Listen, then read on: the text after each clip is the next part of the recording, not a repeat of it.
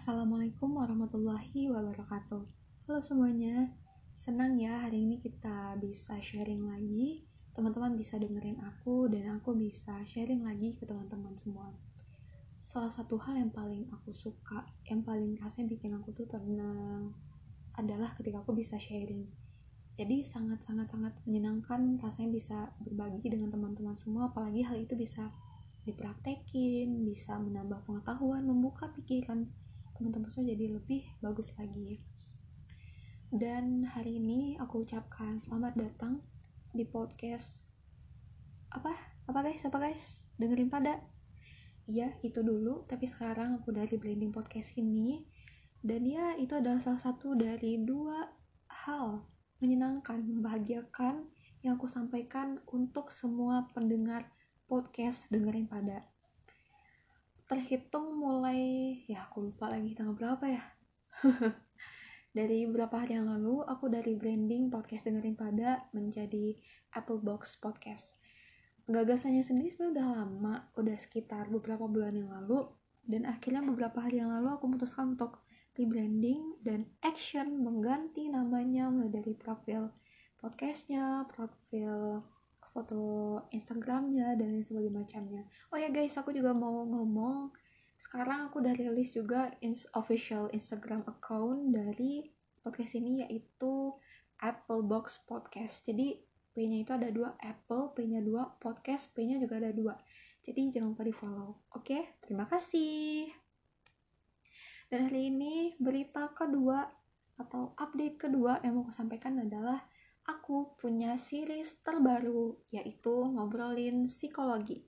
Nah, sebagai mahasiswa psikologi semester 6 yang udah mau masuk semester 7 dan udah mau selesai pendidikan psikologi, aku merasa udah saatnya untuk aku sharing, berbagi, membuka ruang untuk diskusi, untuk lebih terbuka terhadap pengetahuan tentang psikologi dengan orang-orang di sekitarku dan ya kalau bisa lebih luas dan salah satu caranya adalah dengan aku bikin podcast ini bikin series ini. Dan sebenarnya alasan utama aku bikin podcast ini tuh karena banyaknya bertebaran hal-hal soal psikologi yang sebenarnya tuh nggak bener gitu guys. Jadi aku pengen bikin podcast ini untuk menambah pengetahuan untuk sharing untuk curhat dari sisi keilmuan psikologi. Dan aku yakin dan percaya ada banyak banget di sini yang akan tertarik dan insya Allah akan bermanfaat untuk orang-orang yang mendengarkan podcast ini. Jadi, ya mari kita deep talk. Let's start. One, two, three. Oke, okay, hari ini aku mau nanya nih, siapa nih di sini anak tengah? Coba, siapa yang anak tunggal? Atau di sini ada anak pertama nggak? Anak bungsu? Wah, kayaknya beda-beda semua ya. Dan salah satu hal yang berkembang dalam masyarakat kita adalah katanya urutan kelahiran itu menentukan kepribadian seseorang. Emang iya ya kepribadian itu ditentukan oleh urutan kelahiran. Katanya anak tengah tuh, wah kalau anak tengah pasti nanti gedenya keras kepala nih. Pasti nanti dia paling beda sendiri dari keluarga. Atau anak pertama, wah anak pertama, ini anak kesayangan mama papa nih. Karena dia yang paling mandiri, yang paling bisa mengayomi. Atau anak bungsu, wah anak bungsu. Ya hmm, manja nih nanti minta duit terus. Apa iya karakter anak-anak itu seperti itu? Dan mari kita bahas. Pertama kita akan bahas dari dasarnya dulu. Dan aku mau disclaimer bahwa seluruh pembahasan hari ini pokoknya pembahasan di siri psikologi deh uh, itu aku sumbernya adalah dari jurnal, dari informasi-informasi yang resmi, dari buku-buku psikologi, dan ya tentu saja dari apa yang sudah aku pelajari selama menjadi mahasiswa psikologi atau di kelas. Begitu ya guys. Oke, okay, next. Ngomongin soal kepribadian atau karakter. Kita sering ya dengerin kata itu atau bahkan gunain kosakata itu. Jadi apa sih kepribadian atau karakter itu? Kesimpulannya nih, intinya kepribadian itu adalah karakteristik, sifat khas, gaya khas dari seseorang yang sumbernya itu dibentuk dari lingkungan, pola asuh, dan hal-hal lainnya. Jadi kepribadian itu tuh perilaku yang dilakukan secara berulang-ulang sampai akhirnya jadi gaya khas, ciri khas, karakteristik yang ada pada diri seseorang, diri kamu, diri aku, orang tuamu dan kita semua. Terus tadi di sana kan aku bilang kalau kepribadian itu adalah perilaku yang dilakukan oleh seseorang secara berulang. Nah, perilaku ini apa lagi nih? Perilaku itu sendiri adalah respon, tindakan seseorang terhadap sesuatu tertentu. Jadi kayak respon tertentu terhadap sesuatu tertentu itu yang perilaku. Dan yang menjadikan perilaku ini kepribadian adalah ketika perilaku itu dilakukan secara berulang-ulang ya akhirnya melekat banget jadi ciri khas banget nah itu nih kepribadian guys jadi sebenarnya setelah aku baca aku simpulin ada banyak hal ternyata yang menentukan kenapa kepribadian ini bisa beda-beda atau apa sih faktor pembentuk kepribadian ini. Dan di antaranya itu adalah yang pertama faktor biologis. Nah ini menurut uh, Bush dalam Baron and Bernie teman-teman bisa baca cari jurnalnya di Google Scholar. Wah banyak banget sih atau googling aja itu ada. Katanya faktor biologis ini jadi salah satu hal yang bikin reaksi emosi seorang atau uh, perilaku seorang tuh jadi berbeda jadi kayak bawaan psikologis tuh bawaan biologis itu bisa bikin kita tuh berbeda gitu karakternya terus yang kedua lingkungan. Nah, lingkungan kayak orang yang dibesarkan saat peperangan, orang yang dibesarkan di masa krisis ekonomi, orang yang dibesarkan di lingkungan penjahat, orang yang dibesarkan di lingkungan para pemuka agama, itu menghasilkan orang yang berbeda, ya kan guys? Nah, kemudian yang ketiga itu pola asuh. Bagaimana cara orang tua atau orang atau wali seseorang mengasuh seseorang dari kecil itu yang akhirnya membentuk dia menjadi uh, si A, menjadi si B seperti itu. Dan hari ini yang menjadi pembahasan utama kita adalah tentang urutan kelahiran. Nah, sebenarnya urutan kelahiran ini sumber utama itu dari salah seorang ahli, seorang ilmuwan, yaitu Alfred Adler. Nah, dia ini adalah seorang tokoh psikologi. Sebenarnya untuk urutan kelahiran uh, menentukan karakter ini dibahas oleh banyak ahli ya, guys. Di antara itu ada Kevin Lehman, ada Frank Salloway, dan Alfred Adler ini sendiri dan yang jadi pembahasan utama atau jadi sumber utama yang bikin akhirnya banyak ilmuwan meneliti soal urutan kelahiran hubungan urutan kelahiran dengan kepribadian ini adalah teori Alfred Adler. Jadi dia menyatakan menjelaskan bahwa kepribadian seseorang itu tergantung faktor keturunan lingkungan sama kreativitas dirinya. Sehingga dengan adanya faktor keturunan tadi katanya orang-orang sih oh berarti otomatis urutan kelahiran itu menentukan kepribadian seseorang dong. Kalau dia anak tengah kalau dia lahirnya urutan kedua dari tiga atau dari empat itu otomatis pasti dia kayak gini nih kelas kepala atau anak pertama kayak gini gini dan segala macam. Sehingga dilakukanlah banyak penelitian. Terus ada juga nih ahli namanya menurut uh, si ini Covey. Katanya urutan kelahiran itu uh, menentukan karakter juga. Karena berpengaruh terhadap cara seorang berinteraksi akibat situasi psikologis yang berbeda pada urutan kelahiran tertentu.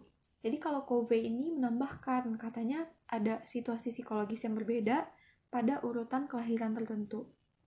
Jadi sebenarnya secara nggak langsung di sini udah mulai uh, jelas arahnya, udah jelas penyebabnya kenapa urutan kelahiran itu bikin karakter jadi beda ternyata yang bikin beda tuh bukan urutannya tapi situasi psikologis situasi psikologis ini misalnya kayak bagaimana orang tua mengasuh bagaimana perlakuan orang tua terhadap setiap urutan anak ini. Anak pertama gimana nih? Sifat orang tua ke dia. Anak kedua gimana nih? Anak bungsu gimana?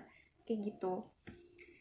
Dan dan ternyata dari sana kita bisa simpulin bahwa ternyata urutan kelahiran bukanlah satu-satunya faktor yang memprediksi perilaku seseorang banyak faktor yang dapat menjadi pertimbangan dalam prediksi perilaku atau menentukan kepribadian seseorang, seperti hubungan antar saudara, jumlah saudara, usia saudara, jarak usianya, kemudian faktor hereditas dalam keluarga, kompetensi, inkompetensi, faktor sosial ekonomi, pengaruh sekolah, teman sebaya, gimana perlakuan orang tua ke anaknya, itu ternyata menentukan perbedaan karakter pada si masing anak-anak ini dulu dosenku pernah jelasin gini perbedaan karakter pada setiap anak itu disebabkan karena misal ketika se pasangan suami istri mereka awal menikah kan ekonominya masih biasa-biasa aja tuh.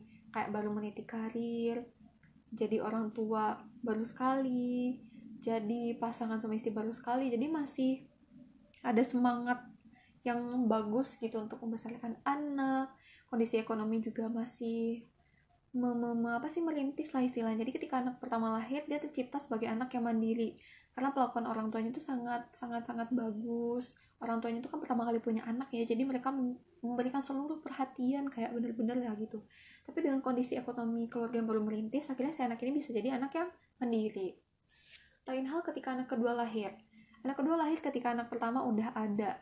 Sehingga yang terjadi misalnya kondisi sosial ekonomi orang tua waktu itu udah mulai naik nih jadi udah bisa ngasih banyak hal ke si anak-anaknya ini? Jadi anak kedua tuh pas uh, anak ketiga belum lahir dia masih bisa manja. Lahir anak ketiga kondisi ekonomi masih uh, lebih turun atau ternyata lebih meningkat. Nah dan hal ini mempengaruhi juga akhirnya si anak tengah itu merasa bersaing dengan anak pertama dan anak terakhir. Nah dan perilaku orang tua atau apa yang dikasih orang tua inilah yang ternyata menyebabkan perbedaan kepribadian kepada masing-masing anak ini hal ini uh, umumnya disebabkan sikap, perlakuan, atau pemberian uh, peran yang spesifik terhadap anak pertama, anak kedua, anak ketiga, anak tunggal oleh si orang tua. Ya pokoknya gitulah guys. Jadi ngulang-ngulang aku kan, tapi nggak apa-apa. Uh, terus berarti kepribadian bisa berubah dong, Fah? Jawabannya tentu bisa, tapi karena kepribadian itu sendiri terbentuk secara oleh perilaku yang sifatnya berulang-ulang, butuh waktu, otomatis untuk kepribadian seorang itu berubah sangat membutuhkan waktu ya, tergantung kepribadian dari sisi mananya nih yang mau dirubah. Ada kepribadian memang mungkin butuh waktu puluhan tahun untuk akhirnya bisa berubah, untuk bisa jadi identitas uh, diri dia yang lain gitu. Jadi untuk mengubah perilaku harus ada usaha yang sifatnya itu berulang-ulang dan konsisten jadi gitu ya guys. Kesimpulannya adalah urutan kelahiran itu sebenarnya hasil penelitian tuh banyak ya. Hasil penelitian tuh banyak. Nggak bisa juga dibilang urutan kelahiran ini tidak menentukan karakter atau kepribadian seseorang. Karena para peneliti yang udah ahli pun masih simpang siur. Cuman memang sebagian besar penelitian itu membuktikan bahwa yang membedakan yang bikin kepribadian berbeda itu bukan urutan kelahirannya. Tapi bagaimana pengkondisian, bagaimana sikap perilaku yang dikasih ke masing-masing urutan anak ini akhirnya membuat karakter mereka berbeda atau kepribadian mereka berbeda. Jadi sekarang teman-teman kan udah dapat jawabannya nih. Sekarang udah bisa nih untuk evaluasi diri sendiri. Kenapa sifatnya jadi kayak gini, kayak gini, kayak gini. Mungkin dulu di masa kecil sering diabaikan secara emosional, sering disuruh sendiri, sering gak diapresiasi, atau sering terlalu dimanjakan atau dapat perhatian yang bagus tapi enggak secara sosial ekonomi. Nah itulah yang akhirnya membentuk diri kita ini. Jadi diri kita ini adalah hasil bentukan dari lingkungan dari biologis kita. Sifat-sifat orang tua tuh turun. Itu ada jurnalnya. Itu menurut si Bas tadi ada di Baron and Bernie itu ada jurnalnya silahkan teman-teman baca aja. Sebenarnya faktor biologis itu menentukan gimana reaksi emosi kita juga. Misalnya orang tuanya pencemas akhirnya itu turun ke kita kan kayak gitu. So guys itu dia uh, ngobrolin psikologi kali ini. Makasih udah dengerin semoga bermanfaat. Jangan lupa di share kalau ini bermanfaat. Dan ya mari kita memberikan pengaruh yang lebih baik untuk lingkungan kita dan terus berusaha menjadi lebih baik. Sampai jumpa semuanya. Sampai jumpa lagi di episode selanjutnya dalam series ngobrolin psikologi di podcast Apple Box Podcast. See you!